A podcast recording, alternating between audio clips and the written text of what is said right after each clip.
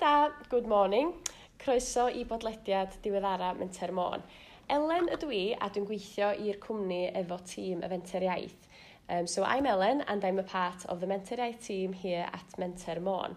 Um, and as a mentor iaith, uh, which is a language initiative, we provide opportunities and experiences that encourage all of the island's residents to use the Welsh language um, with confidence. And so in today's episode, we'll be having a Q&A session with Virginia Crosby, the MP for Ynys Môn, who's recently passed a Welsh-speaking test with a score of 95%.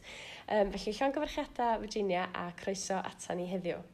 Bore da, Ellen. Dwi'n fach o gael bod yma heddiw. Well, diolch i chi am ymuno. Uh, thank you for joining us. Um, we'll be asking you a few questions about the process of learning Cymraeg, learning Welsh, um, and how can we increase the number of people that learn, speak and use the Welsh language every day here in Ynys Môn. Um, so to start off with, we understand as a mental iaith that confidence um, is something that very often stops people and children on the island and beyond to use their Welsh. Um, so may I ask you then, following your first test and the results, how confident are you to converse in Welsh right now? Um, and are you excited for the rest of the journey? Well, in terms of my, my confidence, um, I think I... Uh, I'm not particularly confident. I'm very enthusiastic uh, and I'm willing to, to try. I try and include as much Welsh as I can, uh, whether it's giving a speech, whether it's meeting somebody. Um, we can all say uh, croeso, mm. or we can actually, I'll always put um, words in how am I feeling and um, when we're talking about the weather whether it's ofnadwy yeah. Uh, so I'll always try and, and put some words uh, when I'm when I'm speaking if I'm writing a, a newspaper article I'll try and put some Welsh in there if I'm speaking in the the chamber in the House of Commons I will call the Prime Minister Prif Weinidog and um, I'm always trying to to encourage my colleagues in the House of Commons to learn Welsh as well. So at the moment, um, they are uh, they are working on um, gwych, uh, excellent, um, and, uh, and a few other words. So uh, yeah, so I would say that I'm very enthusiastic, and I must say the way that people have responded has been absolutely fantastic. I've had so many people coming up to me in the street. I've got wearing my my uh, Dysgu Cymraeg uh, badge, and I always say to people, um, please, please let me practice. That's been the the biggest challenge yeah. is people always speaking to me in English, and I really want to encourage people to uh, approach me and speak to me in Welsh. I was in the post office actually in Holyhead uh, recently, and I was taking a parcel in, and the lady did the whole thing in Welsh, and I was so appreciative. She had lots of accents, so I sort of knew what was happening yeah. as well. but I really uh, appreciated um, her communicating with me in Welsh. I was at the Young Farmers AGM uh, last week at the Anglesey Showground, and the whole evening, it was about two hours, was in Welsh and uh, yes, when they were talking about Virginia Crosby, my ears were pricking up, uh, and there was certain, uh, you know, I could understand quite a lot of it. And I think for me, it was certain words, um, some of the words that, uh, that, that, that came out, they were actually using um, in English as well. Uh, so that was quite quite interesting for me. But no, it's been an absolutely fantastic experience. But it's uh, it's early days, and I'm going to keep going. Oh, gwych. And, well, yeah, and they do say, don't they, that, you know, practice, practice makes perfect. And I believe that's especially true when it comes to language. Um, you know, the more it's used, the more you, you, you have that opportunity to practice, the easier it will get over time. But I think it's important to note that it's not about getting the language perfect. Um, you know, in that sentence, um, practice makes perfect. What I always say is that I'm directing that towards the confidence um, behind the speaking. So, um, using transmission, learning, etc., rather than the correctness, if you like. Um, so I do think that it's something that we need to focus on and make sure that people don't feel pressured um, to get it right all the time. And I do hope that new learners like yourselves, you, you don't feel pressured, especially in those in the, that kind of environment. Of course, it's important that any language is learnt and taught and passed on correctly um, and that the rules of that language, you know, be respected, of course, but it's also a living, evolving thing, isn't it? And, and I think that we should enjoy that, and only by practicing and getting it wrong sometimes, um, I think that's the best way to progress anyway. Um, of course, Welsh is my first language and English is my second. I get things wrong all the time in both languages. Um, I hope that I haven't harmed anyone by getting it wrong sometimes. And I think, yeah, I think we need to make sure that people and children are given opportunities and safe spaces to, to learn and, and converse in Welsh um, without, without that being an abnormal situation, if you like. So um, when, when did and why did you decide to learn the Welsh language in the first place? Then what, what made you feel like this was an important thing for you to do? When I agreed to stand here as the candidate in the general election in 2019, I committed to learning Welsh. It's very, very important here for the island. Two thirds of the island speak Welsh, and whatever is important to the island is important to me. And so I, as soon as I was elected, um, an amazing uh, lady from Bangor University contacted me and I started Welsh lessons. I started um, actually at Oriel Mon on Saturday mornings, which was oh, great. Lovely. And then we went into the pandemic. So I moved to Zoom, which was uh, which worked really well because it meant that I could have lessons when I was in Westminster. I could have lessons mm. when I'm here um, on the island. I live just outside Holyhead, and it meant that I could have many more Zoom lessons. So it was a great opportunity mm. to uh, practice, and it was an opportunity to meet other people on Zoom and speak Welsh. And uh, so, so it's actually been a, a commitment that I made. I am uh, half Welsh. My grandfather was a miner in Merthyr Tydfil, and my father uh, spoke Welsh at school when he was growing up in Monmouth, and uh, my my children actually speak a bit of Welsh. But it was something that I I, do find languages quite challenging. I'm a scientist, mm. and I find science much uh, much easier than learning languages. Uh, and it's been quite hard because we've had the pandemic. It's been very hard for me to go out and, and meet people. And it's all about really hearing it and, and reinforcing it because I've been very keen to actually get the pronunciation right. Mm. And I agree with you. It's, it's great that people have a go, but I really wanted to get the pronunciation yeah. right. I actually did my parliamentary oath in Welsh.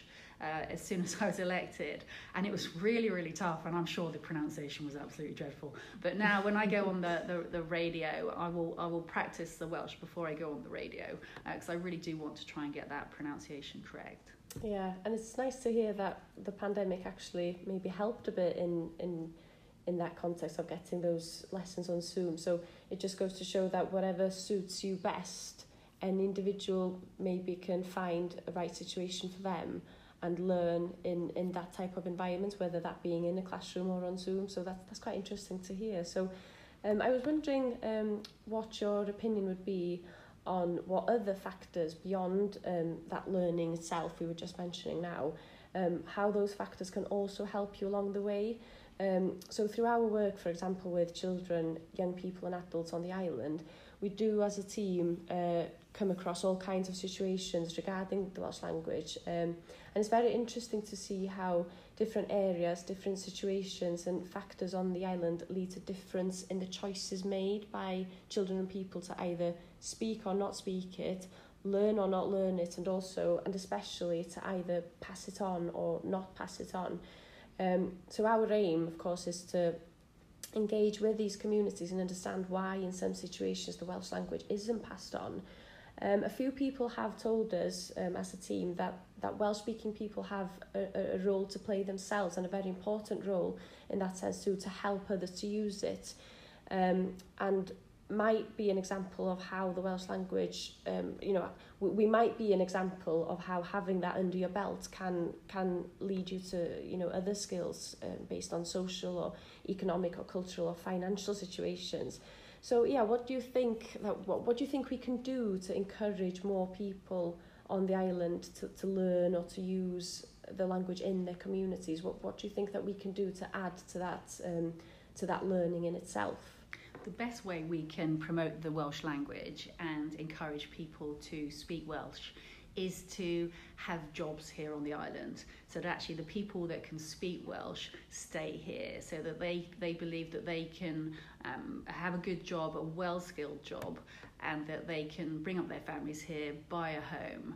And that's our way of, uh, of really growing the Welsh language and the Welsh culture and heritage that is so important to this island. So it's all about jobs. So when I was elected, I committed to learning Welsh Mm. and actually getting some high skilled jobs and careers here to the island so that we can just keep these amazing young people here, keep them speaking Welsh, and encourage more people to move to the island uh, and actually encourage them to speak Welsh too, that you and your team do such a good job at. Yeah, they do go hand in hand, don't they? The language and the economy and language. You, you need you need to you need to have both of them, you know, together and just to make it work. So, d- does that does that have? Do you have any opinion or, or how do you feel about the language and, and the role that it plays in the island's identity then?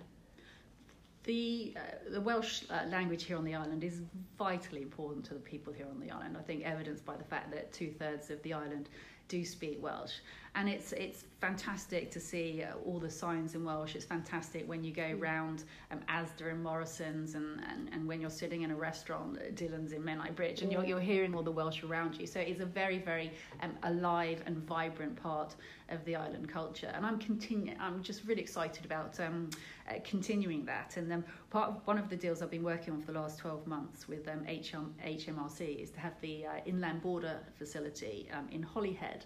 And um, uh, part of the uh, agreement I had with them that actually they would um, make sure that they actually called it in Welsh because I think that's really um, important. And actually, Menter Môn have been fantastic at helping me with uh, translations because, of course, it's important we get the North Welsh Mm. um, here. It's important that we actually get that aspect right.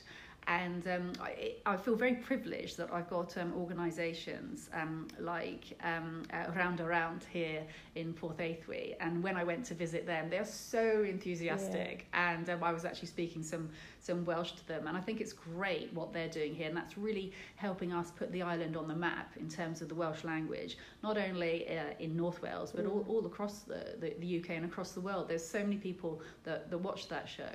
Yeah. And I've been watching, uh, to help my Welsh, I've been watching um, um, things like S4C. Mhm. It's been really helpful.